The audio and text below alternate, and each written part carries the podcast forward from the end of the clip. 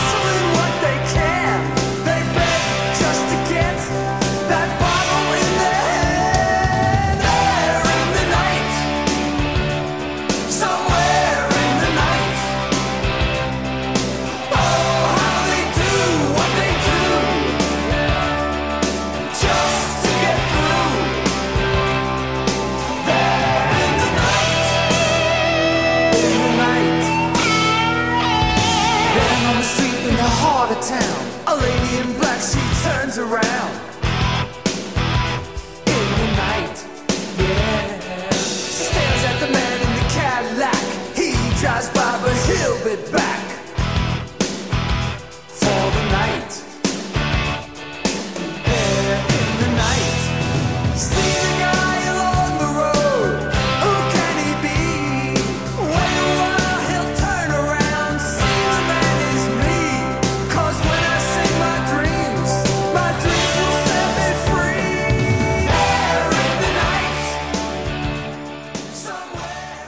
En bra tid för hårdrocken för den var plötsligt accepterad och sålde i massor, visst. Men var den bra för oss unga hårdrockare? En annan sak som förändrade hårdrocken för oss var kabel-tv. Ja, Sveriges Television tappade monopolet på att visa tv i Sverige. Jag tänker inte på sändningarna nu, det kom ju senare, utan på att vi plötsligt fick fler kanaler. Det mesta totalt skräp, men också, och detta före MTV, som ju mest prånglade ut Bon Jovi och Skid Row Europe ändå, utan kabel-tvs heliga graal, Sky Channel. Via Sky fick vi The Nescafé UK Top 40 och andra topplistor så att vi kunde njuta av den senaste musiken utan att någon tjomme på P3 i 50-årsåldern bestämde åt oss vad som var modernt och tufft, utan faktiskt modern musik. Vi fick wrestling på TV. Vi kunde se den fantastiska matchen mellan Randy Macho Man Savage och Ricky the Dragon Steamboat på WrestleMania 3 på TV i Sverige. Det var underbart och befriande. På Sky Channel gick ett program en gång i veckan med den legendariska hårdrocksjournalisten Mick Wall, Monsters of Rock. Det var en helig stund. Mick Wall hade som 21-åring fått jobb som en av de första journalisterna på musiktidningen Kerrang. Kerrang var lite som en bibel. Den hade fötts som en underground-tidning i den nya vågen av brittisk heavy metal kölvatten men blivit etablerad och stor och gick på export. Mick Wall skrev under nio år den artikel som omslaget visade upp. Han är en lysande skribent och har skrivit flera biografier som är läsbara trots att man inte kunde bry sig mindre om bandet det handlar om. Hans böcker är litteraturens motsvarighet till VH1s tv-serie Behind the Music. Behind the Music är som mitt knark. Jag kan bara inte sluta se. Ser jag ut som någon som lyssnar det minsta på New Kids on the Block? Nej. Men om de är med i Behind the Music skulle de behöva en traktor för att lyfta bort mig från TVn. Så beroendeframkallande är det. Och samma är det med Mick Walls biografier. Han funkade på TV också, när Sky Channel gav honom den där chansen. Han hade både den där kvaliteten att gå igenom rutan och förmågan att berätta historier. Men mest spelade han såklart videor, med hårdrock. Men det var något i hans ögon, i hans blick. Inte bara allt knark han enligt sig själv hällde i sig under den här perioden, utan något annat, något trött. När han skulle presentera till exempel Whitesnakes helt onödiga nyinspelning av Here I Go Again så handlade hans presentation inte om Whitesnakes nyinspelning av Here I Go Again utan om det tidiga bluesbaserade Whitesnake och om hur David Coverdale förvandlat ett trött Deep Purple till ett vitalt Deep Purple på skivan Burn. Han var nostalgisk istället för entusiastisk. I samma program som det med Here I Go Again spelade han någon låt av Celtic Frost och det är första gången en sån där barnslig entusiasm dyker upp i hans ögon i det programmet. Celtic Frost är hårda, mycket hårda. 1987, jag minns inte när, satt han plötsligt där en dag och liksom strålade av lycka. Och han tittade oss tittare i ögonen och sa att han hade hört hårdrockens framtid. Och han förutspådde att vi alla inom ett år skulle lyssna på ett band som heter Guns N' Roses. De har precis släppt en singel och den tänker han spela vad än någon säger. Welcome to the jungle. Welcome to the jungle.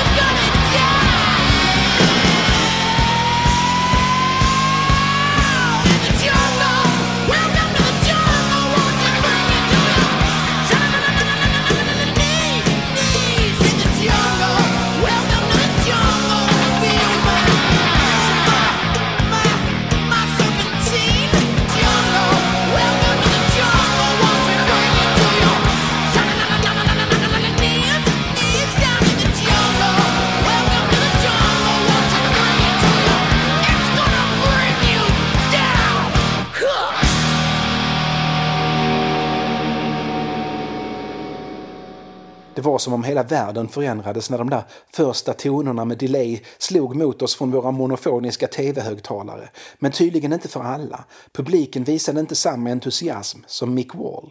Nästa vecka var det tillbaks till mer hårmetall för hela slanten och Walls lilla segment med egen vald musik tycktes ha försvunnit från programmet. Lite beroende på hur man räknar så bildades Guns N' Roses i Los Angeles 1984 eller 1985 när barndomsvännerna från den lilla amerikanska staden Lafayette, Axl Rose och Izzy Stradlin, för övrigt en av de främsta gitarrister den här planeten lyckats uppbåda, som kommit till Los Angeles för att bli världsberömda som så många andra, slog sig ihop med Tracy Gunn från bandet LA Guns för att göra ren rock'n'roll. Gun skulle snart sluta och efter en massa hattande och dattande så landade man till slut i den uppsättning musiker som skapade en sån där perfekt musikerkemi som bara uppstår vid sällsynta ögonblick. Med Rose som sångare och Stradlin som stomme lade de till den närmast perfekta rytmsektionen i Duff McKagan och Steven Adler. En trummis med ett sällsynt swing, nästan lite Charlie Watts över honom, vilket såklart passade eftersom Rolling Stones var den stora förebilden. Och med Slash på flashig sologitarr var det fulländat.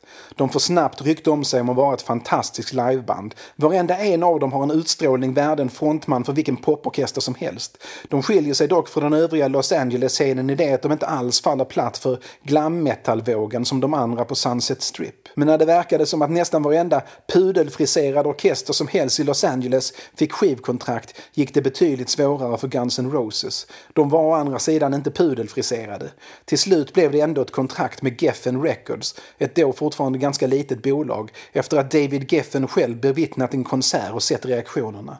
Bandet har redan själva spelat in en EP, men nu var det dags att göra en riktig debutskiva. Appetite for Destruction. Låtarna skrev de snabbt och spelade in ännu snabbare. Klassiska riff koms på i stunden. Inspirationen, spriten och ibland heroinet flödar och Geffen tror att de har 1987 års storsäljare i sina händer.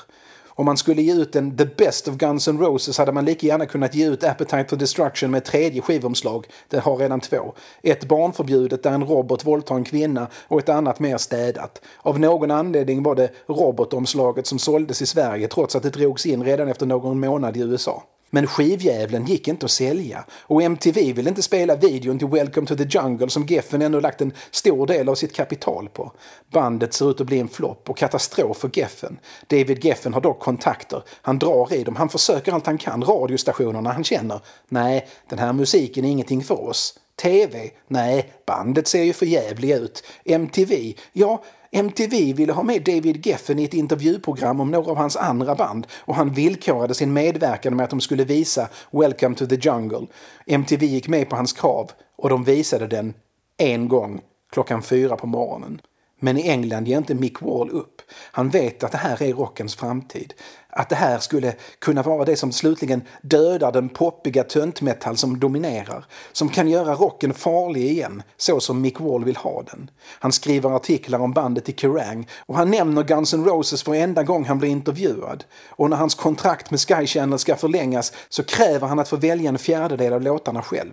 Hans program är populärt och det var det enda som specialiserade sig på hårdrock på brittisk TV. Självklart får han som han vill. Och redan nästa vecka spelar han Welcome to the Jungle Jungle. Och inte en gång, och inte bara två gånger. Han spelar den varje vecka. Och till slut börjar britterna fatta. Headbangersarna fattar. Skivköparna fattar. Och precis som till exempel Twisted Sister eller The Jimi Hendrix Experience blir Guns N' Roses ett amerikanskt band som slår igenom i Storbritannien först. Det är inte bara Mick Wall som spelar Welcome to the Jungle i England längre. Nej, radiostation efter radiostation plockar upp den. Men man kan förstå det. Den lät inte alls som det som amerikanerna lyssnade på 1987. Men britterna har hållit fast vid sina rockrötter hela vägen från Rolling Stones. Den brittiska punken är ett exempel på det. Och efter den där gången MTV spelade låten klockan fyra på morgonen började MTV få några samtal om att spela den igen. Inte många, men några. Det börjar uppstå ett litet surr kring bandet och låten. Tillräckligt för att Geffen ska lyckas övertala Clint Eastwood om att ha med låten och bandet i den Dirty Harry-film Clint Eastwood håller på att spela in för tillfället. En rockstjärna ska mördas, så varför inte en som sjunger “Welcome to the jungle” liksom? Det blir en bizarr scen på många sätt. Inte bara för att Jim Carrey spelar Axl Rose typ och resten av Guns N' Roses spelar Guns N' Roses typ. Utan också för när filmen som skulle ge bandet sitt genombrott var det tänkt väl har premiär så låg redan Appetite for Destruction på Billboards albumlistas översta 100 platser i alla fall.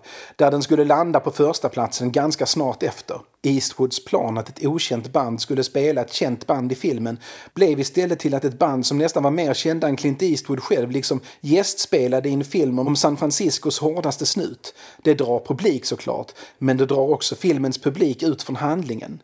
1988 började så till slut även Amerika fatta att Appetite for Destruction är ett mästerverk, mer än ett år efter att den släpptes.